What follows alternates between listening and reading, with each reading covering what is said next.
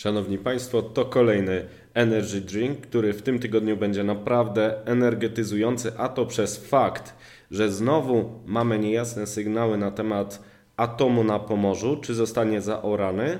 Mamy też informacje o tym, że potęgi naftowe klękają przed ceną ropy, a w tle jest rywalizacja Arabii Saudyjskiej i Rosji, a jeżeli mówimy o Arabii Saudyjskiej, to okazuje się, że y, wcale nie przystąpiła jeszcze do klubu dyskusyjnego BRICS Plus i tenże klub dyskusyjny ma kolejne y, problemy, zanim jeszcze na dobre zaczął pracę. Zapraszam.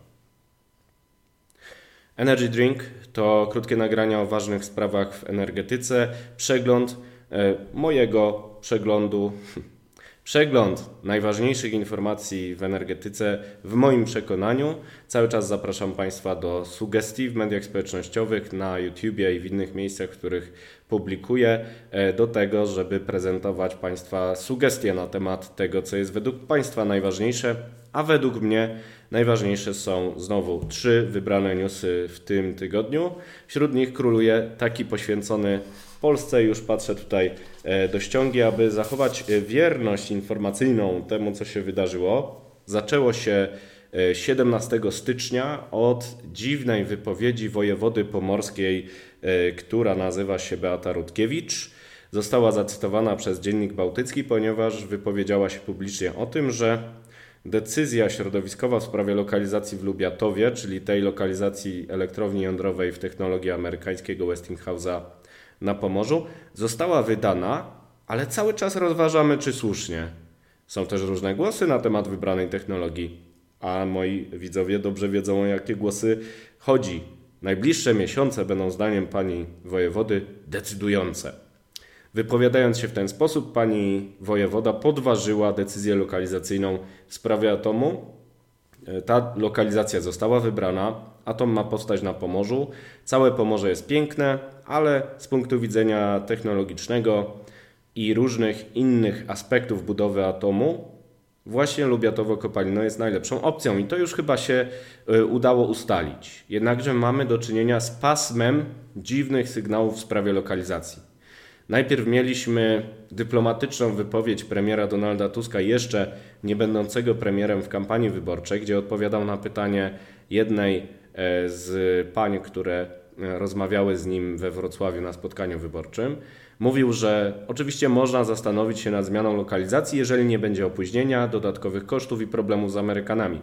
Te oczywiście by były, więc można było traktować te wypowiedzi jako jakiś e, romans e, z elektoratem, który obawia się atomu, który jest szczątkowy, ale jednak silny na Pomorzu, ale nie zapowiedź zmian.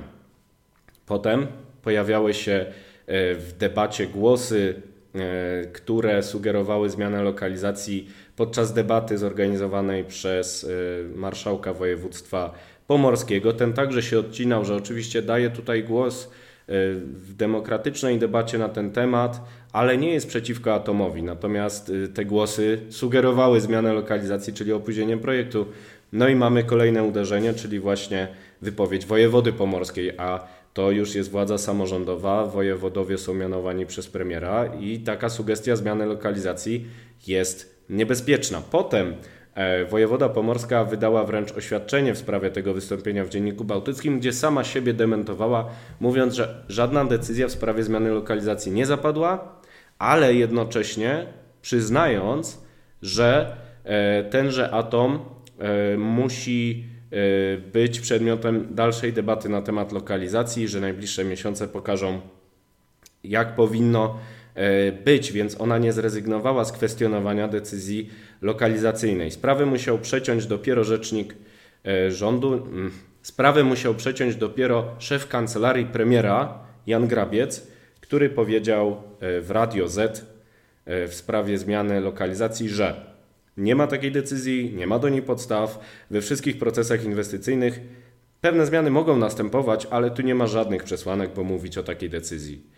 I to powiedział Jan Grabiec w imieniu premiera, reprezentując całą kancelarię premiera. E, wiadomo, że Ministerstwo Klimatu musiało pytać wojewodę pomorską, co też najlepszego ona miała na myśli. ale te sygnały są niepokojące, niepotrzebnie otwierają już zamkniętą debatę, podsycają ruchy antyatomowe, które są coraz silniejsze. Nomen, omen, Bałtyckie SOS, organizacja, która sprzeciwia się atomowi na Pomorzu, zorganizowało zrzutkę na protesty przeciwko elektrowni jądrowej, więc to dopiero początek, szczególnie przed wyborami samorządowymi i warto patrzeć na to, co robią samorządowcy na Pomorzu, bo na pewno nie pomagają projektowi jądrowemu, który Polsce jest potrzebny. Więc y, to była ta bardzo ważna informacja z Polski. Może teraz coś bardziej optymistycznego, proszę Państwa, bo potęgi naftowe klękają przed taniejącą ropą i to ze względu na spowolnienie gospodarcze, ze względu na to, że E, na horyzoncie może być wojna cenowa między Arabią Saudyjską a Rosją, no i ze względu też e, na to, że Rosja prawdopodobnie troszkę mataczy w porozumieniu naftowym OPEC. Ropa e, kosztuje za baryłkę Brent nawet 76 dolarów w chwili, gdy to nagrywam 18 stycznia. I jest to poziom niewidziany od lipca 2023 roku. Dlaczego to jest ważna data? Ponieważ wtedy właśnie zostały ogłoszone i zaczęły być wdrażane dodatkowe unilateralne cięcia e, podaży ropy w Arabii Saudyjskiej i Rosji o w sumie 1,5 miliona baryłek, które miały windować dalej cenę ropy, chociaż sam OPEC kraje porozumienia naftowego, nie wprowadziły razem dodatkowych cięć. Ropa się zresetowała, kosztuje tyle co przed tymi dodatkowymi cięciami, a to dlatego między innymi, że nawet Saudi Aramco przewiduje, że wzrost zapotrzebowania na ropę w 2024 roku wyniesie 1,5 miliona baryłek. Kartel naftowy OPEC był e, bardziej optymistyczny i szacował ten wzrost na 2,2 miliona baryłek, ale już analitycy Energy Intelligence szacują, że ten wzrost wyniesie 1,1 miliona. To znaczy, że nie będzie takiego wzrostu popytu na ropę, między innymi przez stagnację gospodarczą, e, a pewne niedobory, które windowałyby w górę mocno cenę baruki, mogą się pojawić nie w 2024, a w 2025 roku według kartelu naftowego OPEC. Czyli wniosek jest taki, że rynek będzie całkiem dobrze zaopatrzony, a popyt wcale nie będzie taki duży, czyli ropa nie musi drożeć. I wszystkie te działania porozumienia naftowego OPEC Plus tracą moc i baryłka nie reaguje na nie. Dlatego też Arabia Saudyjska na luty zaoferowała rabaty, o których już mówiłem w Energy Drinku, nawet do 2 dolarów na baryłce, e, z tego względu, żeby już walczyć o klienta. Nie udaje się windować ceny, trzeba walczyć o udziały rynkowe, by maksymalizować sprzedaż. I to może być zapowiedź wojny cenowej między Arabią Saudyjską i Rosją. Kiedy ona trwała w 2014 roku, spowodowała kryzys cen ropy i być może teraz baryłka też będzie dalej tanieć wraz ze złymi danymi gospodarczymi z Chin, wraz z transformacją energetyczną, która będzie obniżać popyt na ropę. Może tak być. Z drugiej strony potęgom naftowym przydałby się jakiś wielki kryzys, jak na przykład na Morzu Czerwonym, który windowałby ceny baryłki. Skoro Huty nie pomogli, to może znajdzie się jakiś inny sposób. Oby tak nie było, bo oznaczałby jakieś nowe tąpnięcie geopolityczne, które podniesie e, cenę ropy. Na domiar złego Rosjanie zdają się nie ciąć wydobycia tak jak obiecali.